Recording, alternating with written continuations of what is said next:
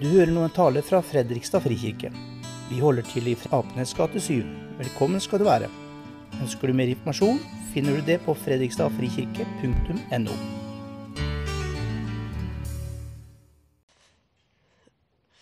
Ja, vi har allerede hørt at det er gledens adventssøndag i dag. Skal vi se om det er lyd her. Det er lyd. Bra. Det er fjerde søndag i advent. Um, det er fire dager igjen til julaften. Og det er jo grunn til glede, bare det. Vi gleder oss over uh, julebudskapet. Vi gleder oss over uh, vennene vi skal være sammen med, og som vi er sammen med. Vi gleder oss over familien. Vi gleder oss over gavene som skal gis og skal fås. Vi gleder oss over maten som skal spises, og lysene som skal tennes.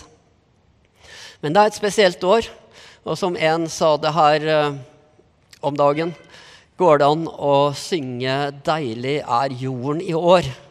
Er jorden egentlig så veldig deilig? Når pandemien raser over jorden, når vi vet at det er registrert over 75 millioner som er smitta på verdensbasis. Og hvor vi også merker restriksjonene som vi lever under. At vi nå må sitte med to benker eh, mellom hver rad her, og der vi må passe på å ikke komme for nærme hverandre. Der vi går eh, til og med med munnbind i, på butikken.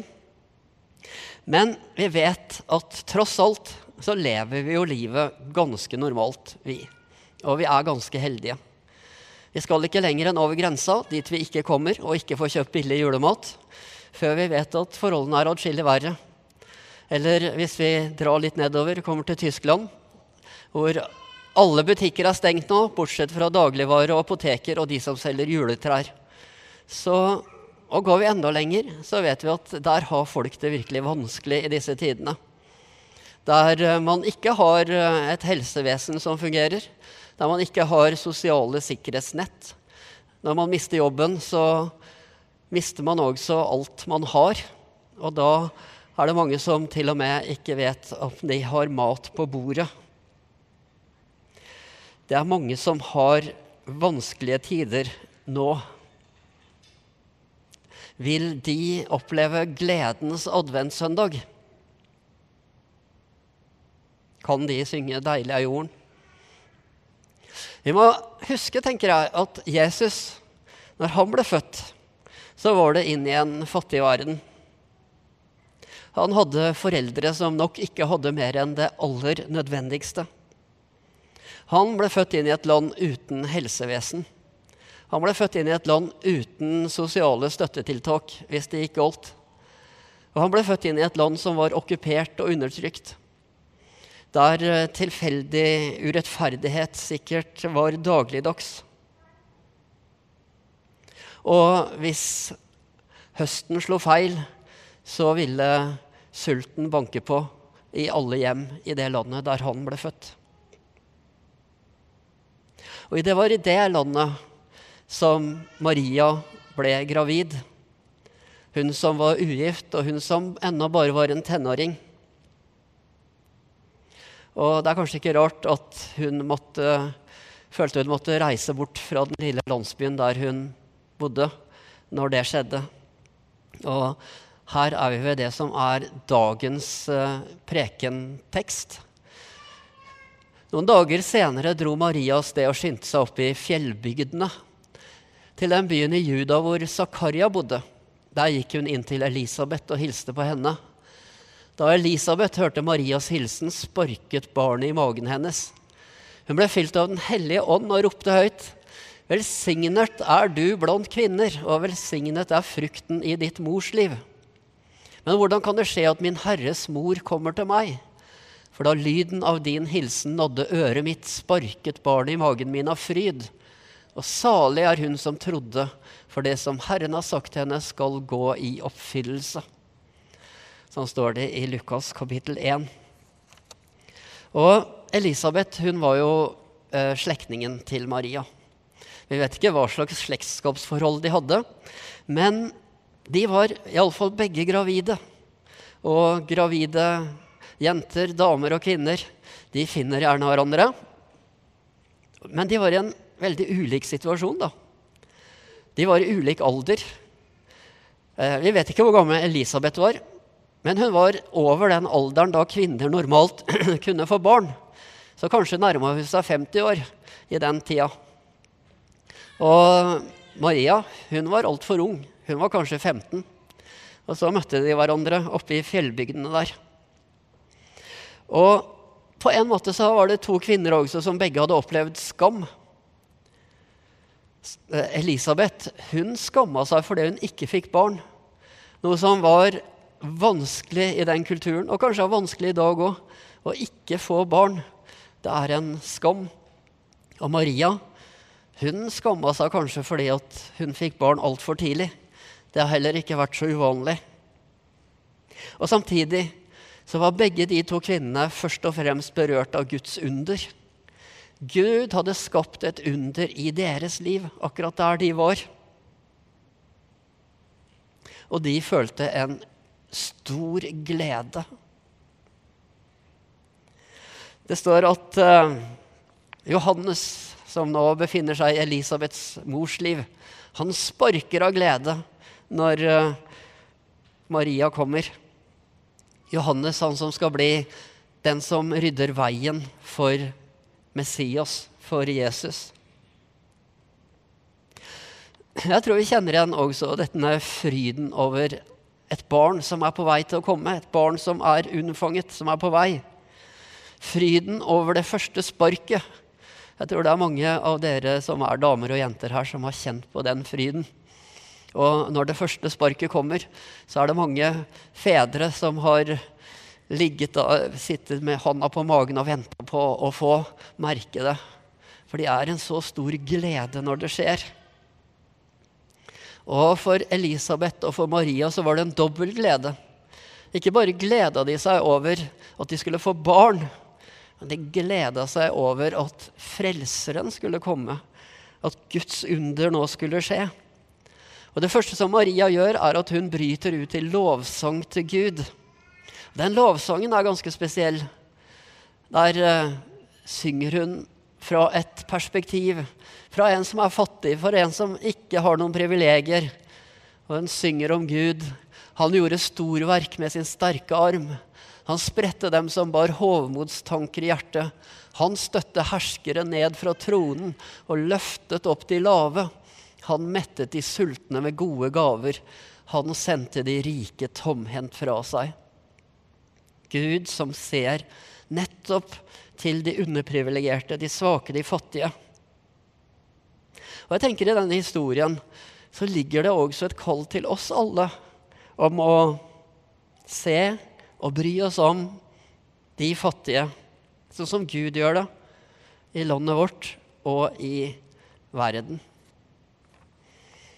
Jeg skal lese en liten historie for dere. Og den handler om jul i en flyktningeleir. Jeg var syv eller åtte år gammel da landsbyen min ble brent ned av fiender i det som kalles den første borgerkrigen i landet vårt. Det var bare så vidt jeg ikke ble drept eller tatt til fange av fiendene våre. Fordi det var så intense kamper mellom våre folk og fienden, måtte faren min etterlate meg for meg selv. Jeg takka Gud for at jeg slapp unna, selv om jeg ikke visste så mye om Gud den gangen. For flere av vennene mine og familiene deres ble tatt som fanger. Krigen fortsatte lenge, og foreldrene mine overlot meg til en onkel som kom fra en annen landsby som var brent ned. Han tok meg med over grensen til Uganda, der vi bodde i en flyktningleir. Faren min ble igjen, ble igjen for å kjempe, og moren min valgte å bli hos ham. Hun tenkte at jeg var i trygge hender hos broren hennes. Men livet i flyktningleiren var hardt, spesielt for oss barna som ikke hadde foreldre. Det var lite mat, og jeg kunne aldri spise meg mett. I stedet måtte jeg arbeide hardt med å plukke tobakksblader og bomull for å få noe å spise. Jeg kan også huske hvordan jeg ble lurt til å sendt av sted for å låne chili hos noen bekjente når det var kommet mat på bordet. Og når jeg kom tilbake, så var all maten spist opp. Men en dag så jeg noen geiter og høner bli slakta i leiren. Jeg trodde ikke jeg skulle få smake på den maten, men denne dagen var det mat til alle, og jeg kunne spise meg god og mett. Det var juledagen, og jeg har aldri glemt den. Vi barna snakka i dagvis om den gode maten vi hadde fått, og fra den dagen forsto vi at dette var dagen da Jesus ble født. For meg ble denne juledagen med så mye mat et kall fra Gud til meg. Et bilde fra en flyktningleir i Nord-Uganda her. Kanskje ikke akkurat denne leiren, det vet jeg ikke. Men den historien her, den tilhører en som er med her i kirken. Den tilhører Jakob, som sitter her i dag. Og øh, han skriver noe mer i denne historien. Nå i oktober fikk jeg høre nytt fra den samme flyktningleiren som jeg var i som barn. Og jeg fikk høre at de som bodde der, bare nå får litt mais og litt ris hver dag. At det var slutt på bønner og linser, som de også fikk tidligere. Og sånn skulle det fortsette i hele desember og i januar. Og når jeg hørte det, så rørte det hjertet mitt, og gamle sår ble åpna på nytt. Og jeg tenkte på hvordan julen for mange år siden jeg fikk spise meg mett, og jeg tenkte at jeg gjerne ville gi det samme til barna i flyktningleiren nå. Det er ikke så mye som skal til. Men kanskje er det noen av dere her som har lyst til å hjelpe med dette. Julen er tiden for å gi, og kanskje noen av dere vil være med på denne gaven, som kan bety et stort lyspunkt for barn som ellers, slik som jeg, får altfor lite. Um, da er det sånn at uh, uh, Hvis noen av dere har lyst til å være med på Jakobs lille juleaksjon for barna i flyktningleiren der han sjøl bodde, så kan dere bare si til han etterpå, så kan dere vippse han en hundrelapp eller to. Så kan han få sendt de pengene. Og nå kan man sende penger ned på en dag, og han har faren sin i leiren, så dette kan bli ordna fort. I, I, Uganda i dag så er det 1,2 millioner flyktninger. Og 85% av dem er barn eller, eller kvinner. I dag så er det gledens adventssøndag. Og den største gleden, det er, har jeg lært helt fra jeg var liten, å gjøre andre glad. Og det er sikkert mange av dere som har lært òg. Å gi noe som gleder, det er noe som varmer hjertene våre. Jeg vet Når vi har kjøpt julegaver nå, så har vi ofte sikkert tenkt på at vi har prøvd å kjøpe akkurat noe som skal være til glede til den som får den. Og når vi på julaften gir de gavene, og kanskje det er til noen barn til så er vi veldig spent på reaksjonen. Vi håper at øynene skal lyse opp, ikke sant? Gud er gledens gud. Og jeg tror en av grunnene til at Gud er gledens gud, er at han har gitt oss den største av alle gaver. Det er ikke alltid han ser det lyser opp i våre øyne når vi får den, men noen ganger skjer det. At noen forstår at Jesus han er Guds store gave akkurat til meg. Og så lyser det opp i øynene våre, og vi får den store gleden i vårt hjerte. Det mest dyrebare. Vi kan ta det imot i glede, og vi kan gi det videre med glede. En glede for alle mennesker, står det i juleevangeliet. En glede for hele jorden. En glede til og med i tider som dette i tider hvor mange har det vanskelig, men desto viktigere en glede for alle. Og vi skal fortsatt kunne synge at deilig er jorden. For det er den fortsatt.